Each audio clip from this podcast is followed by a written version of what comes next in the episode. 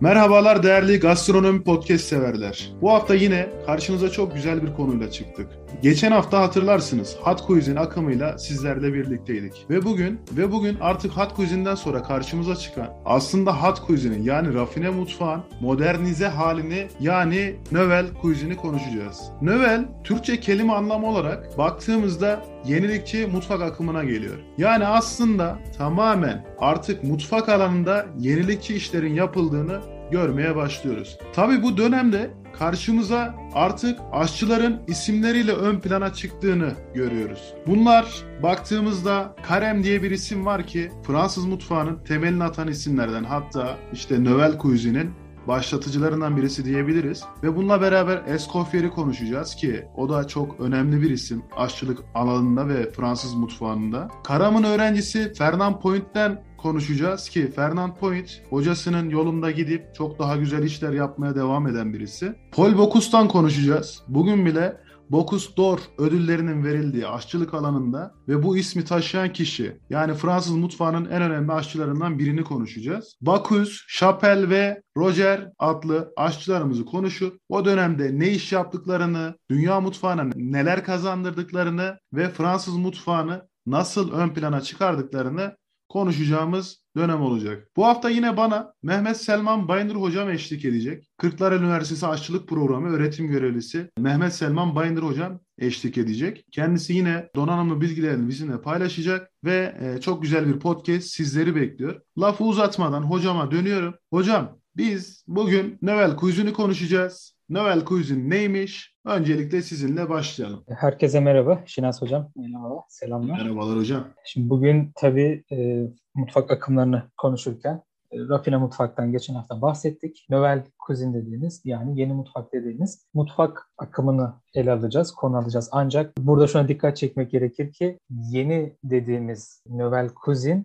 aslında rafine mutfağın içerisinde de Menon tarafından 18. yüzyılda yazmış olduğu bir kitabın başlığını taşımakta. Tabii ki o dönemin şartlarında Menon'un yazmış olduğu bu kitap günümüz rafine mutfağından sıyrılan, ayrılan yeni mutfak yani Novel Cuisine değil bir terim olarak karşımıza çıkıyor. Çünkü günümüzdeki ya da günümüze demeyelim de günümüze kadar o Novel Cuisine dönemini aldığımız, yeni mutfak dönemini aldığımız dönemdeki mutfak anlayışı o gün yazılan kitabın 18. yüzyıldan kitabın e, dönemindeki mutfak anlayışından farklı aslında. Peki biz bu Novel Cuisine'e giriş yapacağız ama buraya girmeden önce neleri de irdelememiz gerekiyor. Senin de bahsettiğin gibi Şinasi Hocam, Karem döneminden, e, Anton Karem'den özellikle bahsetmemiz gerekiyor. Öğrencisi ya da onun e, halefi diyelim Escoffier'den bahsetmemiz gerekiyor. Ve daha sonra da Point ve Bocuse'dan da yine bahsedeceğiz. Şimdi hocam Karem ne yapmış? Karem mutfağı nasıl bir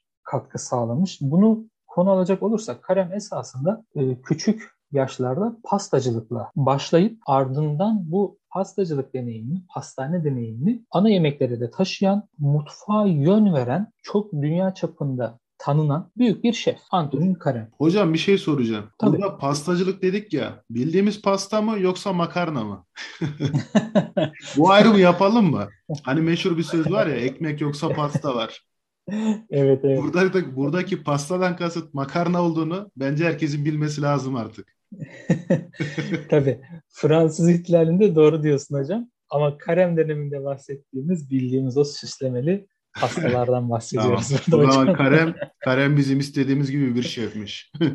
evet. Karem şunu yapıyor. Mesela geçen e, haftada bahsettik. Bilirsin hocam işte hot cuisine dediğimiz neydi? Ağır yemeklerin, yağlı yemeklerin, e, pahalı yemeklerin, ağır yiyeceklerin, bol sosların olduğu e, birçok kişiye yani kalori miktarının günümüz mutfak e, düzenine bakarsak, menüsüne bakarsak yani kalori açısından çok yüksek kalorilerdeki mutfaktan bahsediyoruz biz. Hoyt Cuisine, rafine mutfak dönemi. Karem ne yapıyor? Karem burada artık sosları, yapılan pişirme tekniklerini, kullanılan e, ekipmanları, malzemelerin hepsini önce bir listeliyor. Bunları bir kayıt altına alıyor ve bu kayıt altına alma hani geçen hafta bahsettiğimiz Laveren lakaplı Pierre François'dan sonra Karen bunu özellikle ciddi anlamda kayıt altına alıyor. Yöntemleri net bir şekilde belirtiyor. E, yöntemleri belirtmekle kalmıyor. E, rafine mutfağı da şöyle bir şekil veriyor. O ağır sosları biraz daha hafifletiyor. Daha göze hitap eder hale getiriyor aslında yemekleri,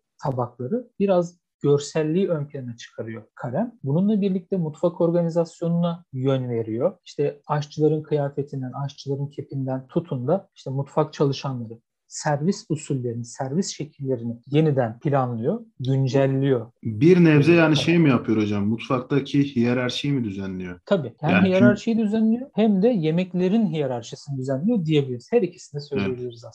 aslında. Yani yemeklerin sınıflandırmasını yapıyor. Ee, aynı zamanda aşçıların da sınıflandırmasını yapıyor. Yani bugün günümüzdeki işte aşçıbaşı yani egzekütif şef dediğimiz veyahut işte onun altında çalışan e, şefte partiler, bölüm şefleri falan işte garde manager, soğuk şefi gibi sıralamaları aslında ta o zamanlardan itibaren yapmaya başlamış. Tabii kesinlikle. Hatta şöyle bir durum var. Karem döneminde servis şekillerini de yeniden düzenliyor. Hatta Karem döneminde şundan da bahsetmek mümkün. E, Napolyon'a atıf yapılıyor kaynaklarda. Diplomatik anlamda aşçı yani diplomatik anlamda bazı görüşmelerin yapıldığı bir yerin, bir otelin ya da bir mekanın diyelim daha doğru olur. Aşçı seçimlerinde bulunuyor. E, oraya seçiliyor Karen. Yani diplomatik anlamda da e, Fransız mutfağını tanıtan veya Fransız mutfağını öne çıkaran diyelim e, aşçılardan biri oluyor. Karen bu açıdan ele aldığımızda. Tabii Karen döneminde bunlar yaşanırken aslında biz bunu şu şekilde de ifade edebiliriz. Rafine mutfakta artık yeniden şekillenmeye başlıyor. Biz burada bunu görüyoruz. O eski ağır sosların yerine artık daha planlı, daha belirgin şekilde yapılan soslar. Yine aynı durum mutfak ekipmanlarında geçerli. Kullanılan ürünlerde geçerli. Mutfaktaki tüm hem organizasyon e, yapısı mutfağın hem de yani organizasyon yapısı derken mutfaktaki çalışanlar, giyim kuşamından tutun onların isimlendirilmelerine kadar, ünvanlarına kadar aynı zamanda mutfakta kullanılan kullanılan malzeme ekipmanların hepsi iyi bir şekilde kayıt altına alınmaya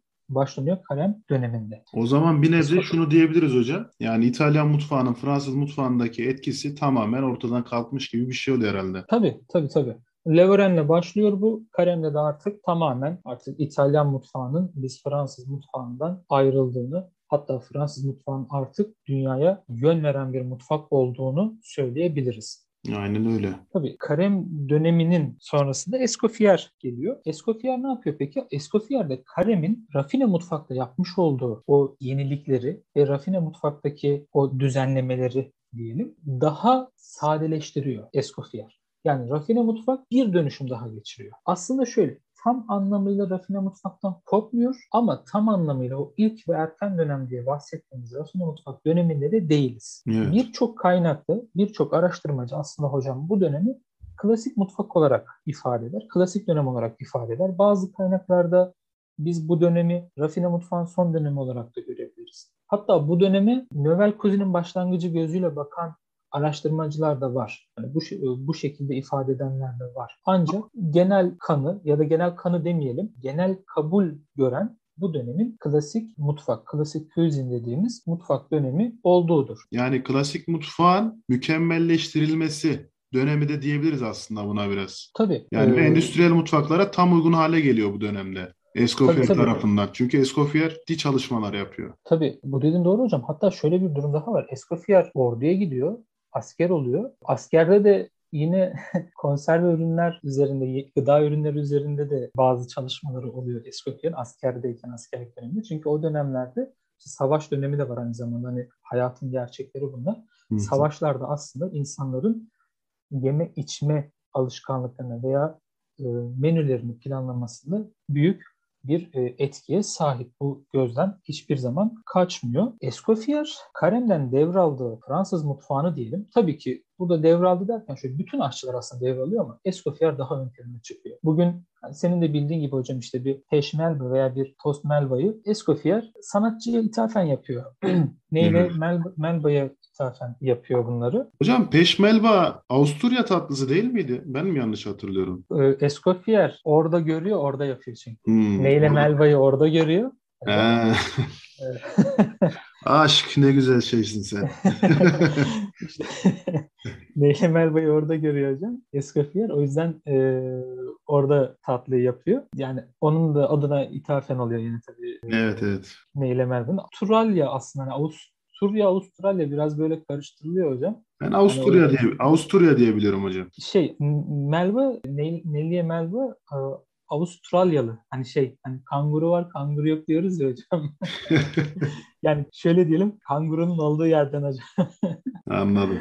Peki bu dönemde ne oluyor hocam? Şimdi hayatın gerçekleri işte burada aslında ortaya çıkıyor. Ee, bildiğiniz gibi aşçılık aslında insanların bazı kaynaklarda yazar ilk mesleği veya ilk mesleklerinden biridir diye anlatılır aşçılık. Şimdi sürekli gelişen, kendini değiştiren, çevresel etkilere göre şekillenen bir meslekten bahsediyoruz biz burada. Escoffier döneminde de yine Karen döneminde olduğu gibi e, katı mutfak kuralları var aslında. Günümüzde bile hocam sen de ben de ikimiz de sektör deneyimine sahip insanlarız. Yani mutfakta ustanın bir dediği iki olmayacak. Yani biz hep bu şekilde öğrendik. Ustanın Ee, lafına laf katılmayacak.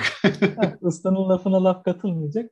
Yemeğe kat dediğini onu katacaksın o kadar. Lafına bir Aynen. şey yemeyeceksin. İşte ne diyoruz başka? İşte bir ustam vardı derdi işte. Tezgah aşçının aynasıdır derdi. Yani günümüz, yine günümüzde durum iyi. Eskiden ustalar dövüyormuş yani çıraklar.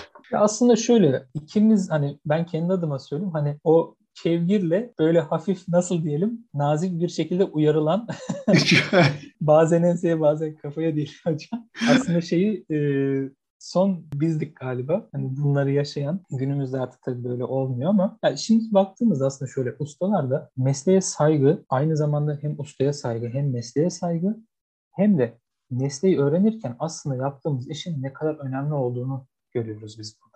Evet. Escoffier döneminde bu katı kurallar var ama artık şu oluyor. Aşçılar kendilerini yenileyemiyor, güncelleyemiyor veya yeni bir şeyler keşfedemiyor. Aslında benim yüksek lisanstaki tez konum da aşçıların e, şeflerin yenilikçi davranışları üzerineydi. Burada aşçılar şeflerinin yani onların hocalarının diyelim ya da onlara öğrettikleri doğrultunun dışına çok çıkmak istemedikleri için veya saygılarından dolayı bazı e, yeni ürünlerin yapımına girişemedikleri için veya girişmedikleri için orada bir kısır döngü durumu söz konusu oluyor. Mutfakta yapılan ürünlerden, ortaya koyulan işte yemeklerle.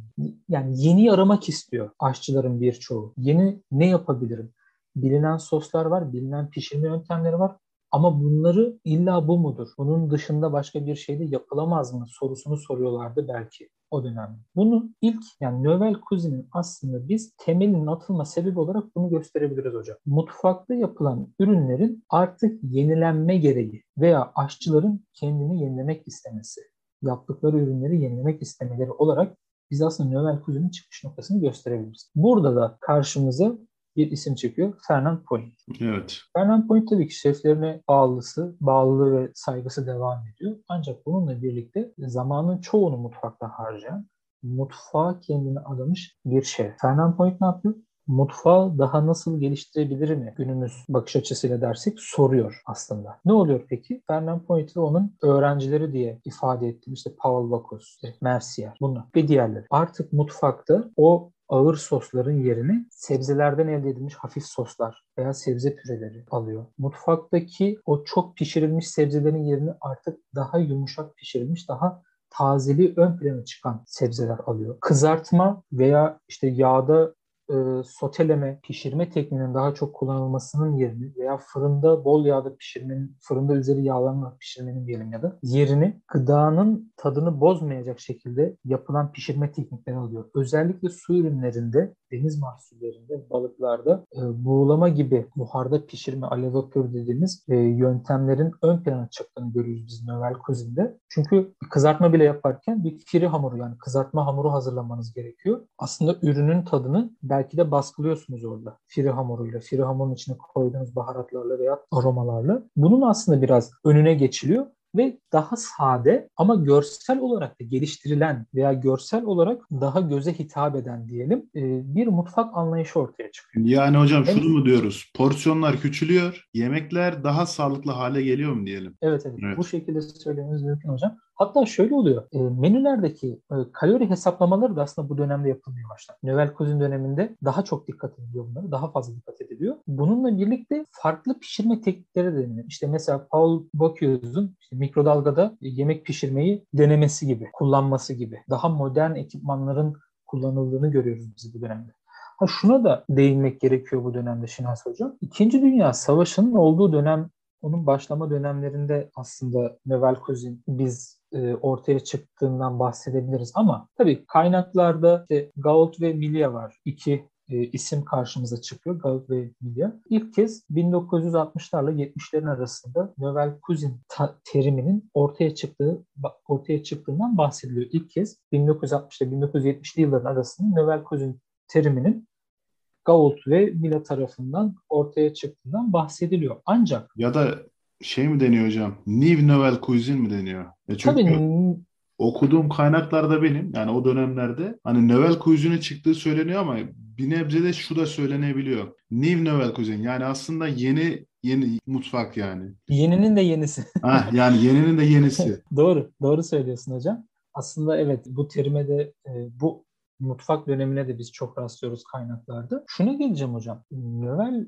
Cuisine yani yeni mutfağın aslında başlangıcında 2. Dünya Savaşı'nda etkisi olduğu ifade ediliyor. Şöyle ki bildiğiniz gibi hani savaş durumları e, ülkelerin kıtlık la karşılaşabileceği e, durumları veya sonuçları ortaya çıkarıyor. Bu da protein ağırlıklı beslenmenin zor olması sebebiyle özellikle işte et ürünlerine ulaşımın zor olması, e, deniz ürünlerine ya da ulaşımın zor olması, deniz mahsullerine ulaşımın zor olması yerini artık daha böyle sebze, daha ucuz, maliyeti daha az ürünlere aslında sevk ediyor insanları. Burada da karşımıza ne çıkıyor? Sebze, tahıl ürünleri en çok karşımıza çıkan ürünler. E, Növel kuzunun ortaya çıkmasında aslında bu Dünya Savaşı, e, özellikle İkinci Dünya Savaşı dönemindeki yaşanan gıda kıtlıklarının veya gıda kullanımındaki e, azalmanın ya da gıda üretimindeki azalma desek daha doğru etkisinin olduğu ifade ediliyor hocam. Bu dönemde şuna da e, dikkat etmek gerekiyor hocam aslında. Hani kısaca değinecek olursak hani buradan biraz konu açıldı. Onu toparlamak adına söyleyeceğim. Savaşların olduğu dönemlerde e, gıdalarla ilgili ülkelerin bazı yapmış oldukları halka yönelik e, yönlendirmeler var. Gıda tüketimleriyle ilgili. İşte örnek veriyorum. Çok et tüketirken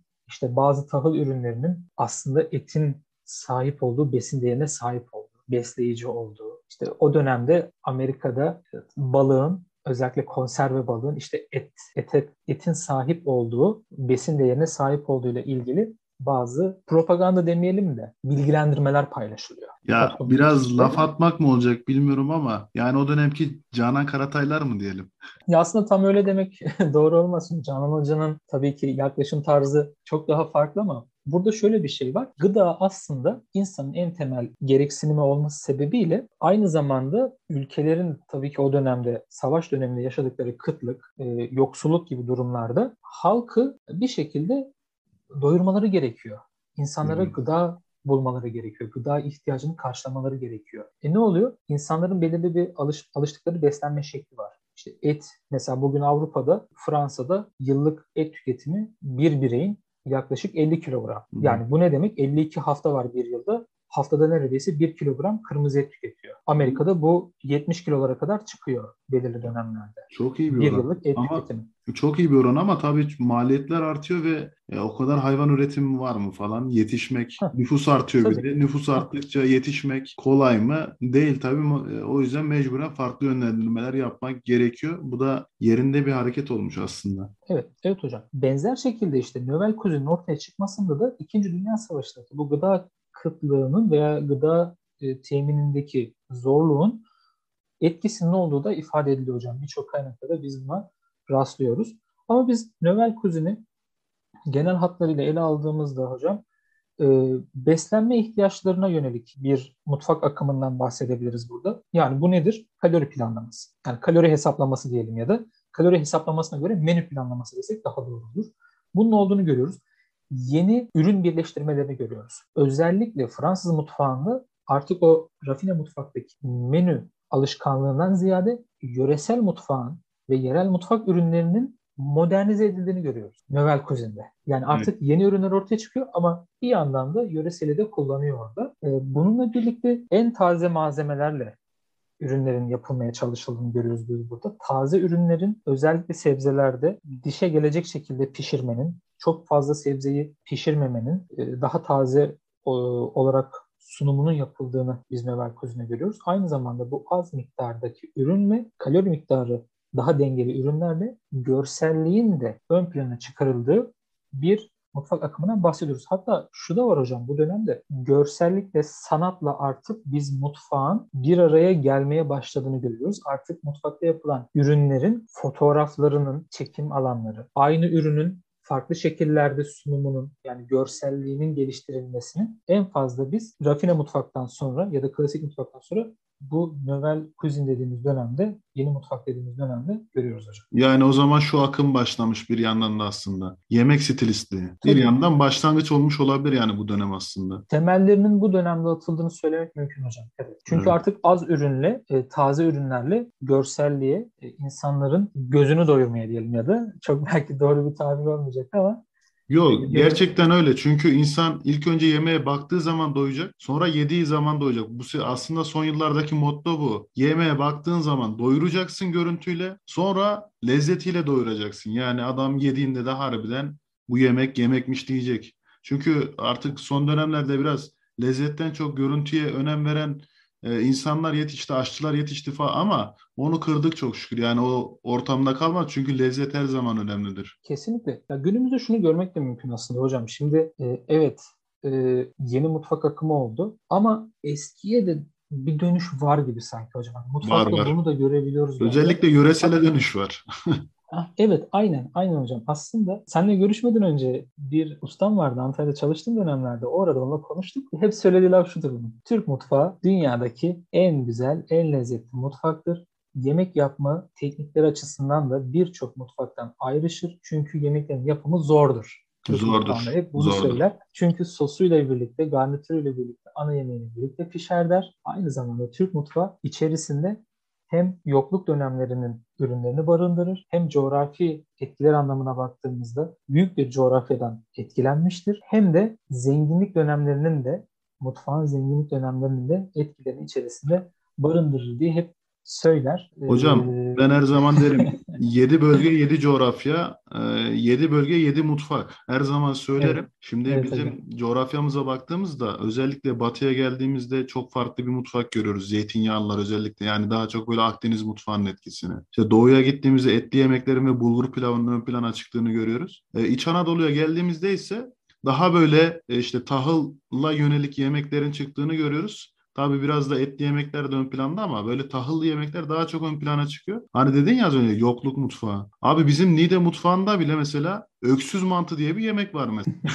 evet. Yani düşün bak normalde mantıyı bilirsin Kayseri'de kıymalı yaparlar. Ya işte farklı e, malzeme kullananlar da var. Özellikle farklı ülke mutfaklarında mantı çok böyle malzemeli falan yapılır. Niğde'de bildiğin öksüz mantı yani hamur kesiliyor üzerine bir yoğurt döküyorsun yiyorsun yani. Böyle bir mantımız var yani. Bildiğin harbiden yani, dediğin gibi yokluk mutfağı. Evet. Yerine gel gelen onda olmuş. Yani bizde de aslında hocam e, bir nasıl diyelim tabii ki bu Novel Kuzin bir akım. Mutfakta gördüğümüz bir akım. Ama biz şu an benim gözlemlediğim restoranlarımızda veya dışarıda yemek yiyebildiğiniz işte oteller olabilir birçok yerde. Artık kendi Türk mutfağımızda da yöresel ürünleri görüyoruz. Aslında bu da bizim ülkemiz için bir yeni mutfak akımı diyebiliriz.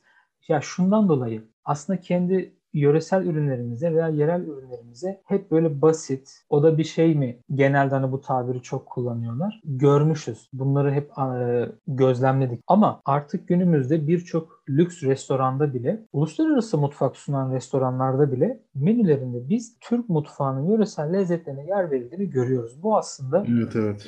benim için çok gurur verici bir durum. Hoşuma hocam, giden bir durum. Biz de aslında hani New Nouvelle Cuisine dedik ya hocam. Nouvelle Cuisine, New Nouvelle Cuisine kısımlarından evet. bahsettik. İşte Fransız mutfağındaki akımda. Onlar da bu dönemde yöresel ürünlerini ve yerel ürünlerini kullanıyorlar. Ye- yemekleri modernize ediyorlar ya da.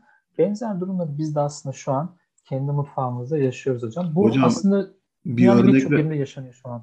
Evet, bir örnek vereceğim bu konuyla ilgili. Yavaş yavaş da aslında podcast'i de bitirebiliriz yayınımızı ama bu konuda bir örnek vereceğim. Çünkü harbiden konuştukça, konu açıldıkça açılıyor. E, Trakya Üniversitesi'nde çalıştığım dönemlerde ben işte temel mutfak uygulamaları dersimizde makarnalar haftasını işliyordum ve hani ben kesinlikle erişteyi yaptırmadan o dersi geçmem yani. Fakat ben öğrencileri her zaman serbest bırakırım biraz kendi tariflerini uygulasınlar diye. Mesela erişteyi yaptırdım ama erişteyi nasıl sunacağını kendisine bırakırım öğrencimin. Öğrencim Erzincan'da kendisi Erzincanlı. Babaannesinin yaptığı tarifi uyguladı derste. Abi pekmezle beraber pişirdi böyle cevizli falan. E, güzel bir sunum yaptı. Ve ben onu yarışmaya gönderdim o tarifle. Çok beğendim. Gerçekten çok beğendim. Ve ben o tarifle yarışmaya gönderdim. Yani ben o öğrenciyi e, bir Fransız mutfağından veya bir İtalyan mutfağından yemekle de gönderebilirdim. Ama onunla gönderdim. Ve şunu da görüyorum son yıllarda Türkiye'de yapılan bu yemek yarışmalarında falan. Yerelliğe her zaman çok daha e, önem veriyorlar ve yerelden gelen yarışmacıya daha çok puan veriyorlar ve o genelde onlar zaten birinci oluyor. Mesela kokoreçi ben içli köftenin içinde gördüm yarışmada. Çok beğenmiştim. En yüksek puan verdiğim notu olmuştu. Hem böyle yaratıcı bir mutfak hem de yöresel. Yani yenilikçi çalışmalar bizim öğrencilerimize de yansıyorlar. Yerel yeni mutfak diyebiliriz aslında. Evet. Yani ben öğrencilerimize de bunu yansıdığını görüyorum. Mesela bu e, kokoreçli içli köfteyi e, Gelişim Üniversitesi'nden bir öğrenci yapmıştı İstanbul'daki. Gerçekten çok hoşuma gitmişti yani. Evet hocam dediğin doğru. Mesela anlattığım bir şey var şimdi hep öğrencilere. Balzamik nedir diyorum. Öğrenci şöyle bir duruyor. Balzamin nerede kullanıldığını biliyor musunuz diyor. Hocam salatada. Tamam. Peki balzamik nedir diyorum. Öğrenci bir daha bir duruyor şimdi. şimdi balzamik bildiğimiz gibi bir çeşit sirkedir aslında. Evet. Şara, evet. kırmızı şaraptan elde edilen bir sirkedir aslında. Hani içeriğinde de vardır o. Yani sirkedir sonuç evet. itibariyle ama farklı bir sirkedir tabii. Şimdi nar ekşisi nasıl yapılır diyorum. Yine yanıt yok. Şimdi şu var. Ravioli nasıl yapılır dersen cevap verir ama değil mi hocam? ama Kayseri mantısını sorsam o yanıt belki gelmeyecek hocam. Evet, aynen Şimdi öyle. Aslında bak burada bile bakarsak hocam hani konu konuyu açtı aslında biraz ana temadan da biraz uzaklaştık gibi oldu ama biz kendimiz bu ürünlerimize yerel ve yöresel ürünlerimizi sahip çıkarak aslında kendi içimizde bunları da geliştirerek mutfağımızda kendi mutfak akımımızı da oluşturabiliriz. Oluşturalım. Hocam zaten şimdi aslında konudan sapmış değiliz. Neden sapmış değiliz? Şimdi az önceki saydığın isimler işte Anton Karam'dan bahsettin. Ne bileyim August August e, Escoffier'den evet. bahsettin. Fernand Point'ten bahsettin. Bocuse bahsettin. Yani e, Paul Bocus'tan pardon. Paul Bocus'tan bahsettin. Ya bu isimler zaten Fransız mutfağına sahip çıkarak ön plana çıkmışlar. Ve onlar kesinlikle. Fransız mutfağına yani Fransa'nın yöresel mutfağına sahip çıkarak bugünkü Fransız mutfağını bugüne getirmişler. Yani o yüzden biz abi Niye kokoreç yapmaktan utanalım? Veya işte neden mantı yapmayı bilmeyelim ravioli bilirken. Yani demek istediğim. Veya işte bir acem pilavımız var mesela örnek veriyorum bizim. Acem pilavını yaparız, yapamayız. Veyahut öğrencimiz yani veyahut yeni aşçılar mı diyeyim neyse artık bilmez. Ama İtalyanların arborio pirincinden yapılan risottoyu ezbere bilir adam adam. Anlat dersin ezbere anlatır yani. O yüzden e, biz aslında konudan sapmadık. Aslında Escoffier'in yolundan gittiğimizi anlatıyoruz biraz burada. Doğru, doğru diyorsun aslında hocam. Yani şöyle bir durum da var. Bizim aslında kendi mutfağımıza ben bunu ihanet olarak görüyorum. Kendi kültürümüze ihanet olarak görüyorum. Aynı zamanda tarihte onu bu zamana kadar taşıyan, tüm tarihte yaşayan atalarımıza bir ihanet olarak görüyorum. Neyi? Mantı mantıdır. Turkish ravioli değildir. Aynen öyle hocam. Pide pidedir. Turkish Lah pizza değildir. Ha, lahmacun keza. Aynen. Biz ya. bunları bu şekilde ifade etmeliyiz. Şöyle düşün hocam. Örnek veriyorum. X ülkeye gittin. Herhangi bir ülkeye gittin. X demeyelim. A, B ya da C ülkesinden birine git. Orada bakıyorsun işte yemeklere. Rastgele bir şey hani söyleyeyim ne diyeyim işte bulgurlu döner gördüm. Bulgurlu işte ne diyeyim mesela Polonya döneri gördüm. Bulgurlu Polonya döneri diye bir şey gördüm. Şu an tam afaki konuşuyorum. Aklına direkt gelecek olan şu. O Polonya özgü bir yemek bile olsa farklı bir yöntemle bile yapılsa yani Türk mutfağından devşirmişler bunu dersin. Türk mutfağını Aynen öyle. Biraz, yani bizden almışlar dersin. İşte benzer durum sen Sultanahmet'e gelen turiste pideyi Turkish pizza diye verdiğin an algı bu şekilde olur. Evet, Buna benzer ki, olur. Derler İtalyan ki, pizzasını almış lahmacun yapmış. Turkish, Turkish pizza demiş buna. Aynen öyle. Ne, aslında kendi mutfağımıza büyük bir ihanet bu hocam. Bak. Büyük büyük bir ihanet. Bu, bu pide ise pidedir. Kendi mutfağımıza Aynen. biz kendimiz sahip çıkmazsak kim sahip çıkar? Aynen Bizdeki öyle hocam. alınıyor işte hocam. Sen de görüyorsun. Ya neler, Haberlerde bile okuyoruz. Hocam Ermenistan mutfağını araştırırken şunu gördüm ya. Tulumbaki demiş adam ya. Tulumba tatlısına tulumbaki demiş adam. Ermeni mutfağı diye dünyaya tanıtıyor. İmam Bayıldı'yı kavanoza koymuş. Bulgaristan mutfağı diye Küba'da satıyor adamlar. Yani bunları gördük. Tabii. Bugün Balkan mutfağına, Kafkasya'daki işte ülke mutfaklarına baktığımızda, Ege'de işte deniz öte tarafında işte Yunan mutfağına baktığımızda Türk mutfağından birçok ürünün aslında isminin değiştirilerek sonuna i, ki, u, ö gibi harfler getirilerek aynen, aynen. ülke yemekleriymiş gibi. Hocam sahip çıkmazsan sahip çıkmazsan bir sahip çıkan olur yani. Hocam bak verilebilir. Örnek veriyorum börek, Türkçe, baklava, öz Türkçe bir sözcük. Sözcük evet. etimolojik anlamda da Türkçe baktığımızda. Şimdi bu ürünü tamam Yunanistan'daki de yapabilir. Ermenistan'da da yapılabilir. Böyle dünyanın her e, Yapmasınlar demiyoruz zaten hocam. Biz bugün burada ama, Chateaubriand yapıyorsa heh. onlar da baklavayı yapsın satsın zaten. Önemli değil ama. Bizim sıkıntımız şurada hocam. Baklava bir Türk tatlısıdır aslında. Evet. Asıl bizim sıkıntım. Mesela Türkiye'de pizza satılmıyor mu? Satılıyor. Evet. Türkiye'de donat satılmıyor mu? Satılıyor. Hepsi var.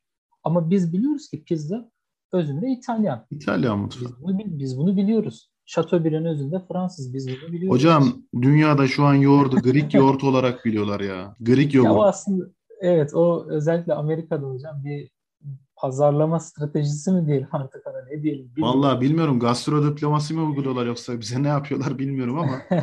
Greek yogurt. Gastrodiplomasiye sonra gireriz hocam. O gireceğiz gireceğiz. Ee, yani çok detaylı. Neyse hocam çok uzatmayalım. İşte gerçekten yabancı tariflere bakıyorum bazen yemek tariflerine. Yoğurt kullanıyor adam tarifte ama Greek yogurt yazıyor tarifte bile. Yani bu The Taste diye sayfa var mesela. Onlar da böyle evet, kullanılıyor. Evet. Ya yoğurt bugün birçok ülkede pardon birçok ülkede demeyeyim birkaç ülkedeki e, cheesecake'in bu arada birçok çeşidi var. Cheesecake'de de yoğurt kullanıyor ve o ülkelerin kendi tariflerinde yoğurt diye belirtiliyor ve ifade ediliyor ama yoğurt hangi ülkeye ait diye baktığımızda hani bunu yabancı dilde dinleyenler işte arama motorlarından birinde bunu İngilizce olarak aratırlarsa yani Türkiye hangi sırada yer alıyor veya Türkiye ile ilgili yoğurdun geçmişiyle ilgili ne kadar bilgi yer alıyor? Buna biraz bizim dikkat etmemiz gerekiyor. Aslında kendi mutfağımıza da bu anlamda özellikle yöntem olarak, ürün olarak sahip çıkmamız gerekiyor. Bu şekilde kendi mutfak akımımızı, yeni mutfak akımlarımızı da oluşturabiliriz. Bugün biraz konu şey oldu ama evet, Fransız mutfağından biraz Bence yine iyi oldu. Bilinçlendirme açısından iyi oldu aslında. Dediğim gibi. Söz sözü zaten, açtı hocam öyle diyelim. Yani, yani. Aynen zaten Escoffier'in yolundan, olunca. Escoffier'in yolundan konuştuğumuz için aslında bir nebze. Yine de çok aşmış olmayız ama bence güzel oldu. En azından en, e, insanları biraz bu konuda bence dinleyicilerimizi bilinçlendirdiğimi düşünüyorum. Çünkü bizi aşçılık öğrencileri dinliyor, gastronomi öğrencileri dinliyor ve bu öğrencilerin de bu konuşmalardan herhalde bir şeyleri e, kulaklarına küp edeceğini düşünüyorum. Benim hocam, arkadaşlarım da dinliyor hocam. Nasıl? Benim arkadaşlarım da dinliyor. Merak etme hocam dinliyorlar. Bizi şu an gerçekten Gastronom Podcast cidden listelere girmeye başladı. Ö- öğrencilerin ee, ötesinde de dinleyenler var hocam. Evet iyi noktalara girmeye gelmeye başladı Gastronom Podcast ve geçen hafta ben iyi bir noktada e, iyi bir sayfada paylaşıldı. İlk 10 e, öneri podcastler arasında Gastronomi Podcast'e yer verdiler ve burada ciddi güzel. anlamda iyi podcastler vardı önerilenler arasında. Biz onların arasına girdik ve gelişerek de devam edeceğiz. Çünkü neden? Güzel şeyler konuşuyoruz, doğru şeyler konuşuyoruz. E doğru şeyi konuşursan zaten hocam e, iyi yerlere gelirsin. O yüzden e, ben teşekkür ediyorum bu hafta içinki konuşma için yine. Gastronomi Podcast büyüyerek devam edecek ve gelişerek devam edeceğiz. E, önümüzdeki hafta yine farklı bir konuyla dinleyicilerimizin karşısında yer alacağız. Bu hafta Noel Cuisine'i konuştuk. Önümüzdeki hafta yine sizinle güzel bir sohbetle e, karşınızda olacağız değerli dinleyicilerimiz. Haftaya yine sabırla bekleyin ve mutfak anlamında değerli bilgileri öğrenmeden geçmeyin diyoruz. Hocam sloganımızı söyleyelim o zaman. Lezzetli dinlemeler diyelim. Aynen hocam. Lezzetli dinlemeler değerli dinleyiciler.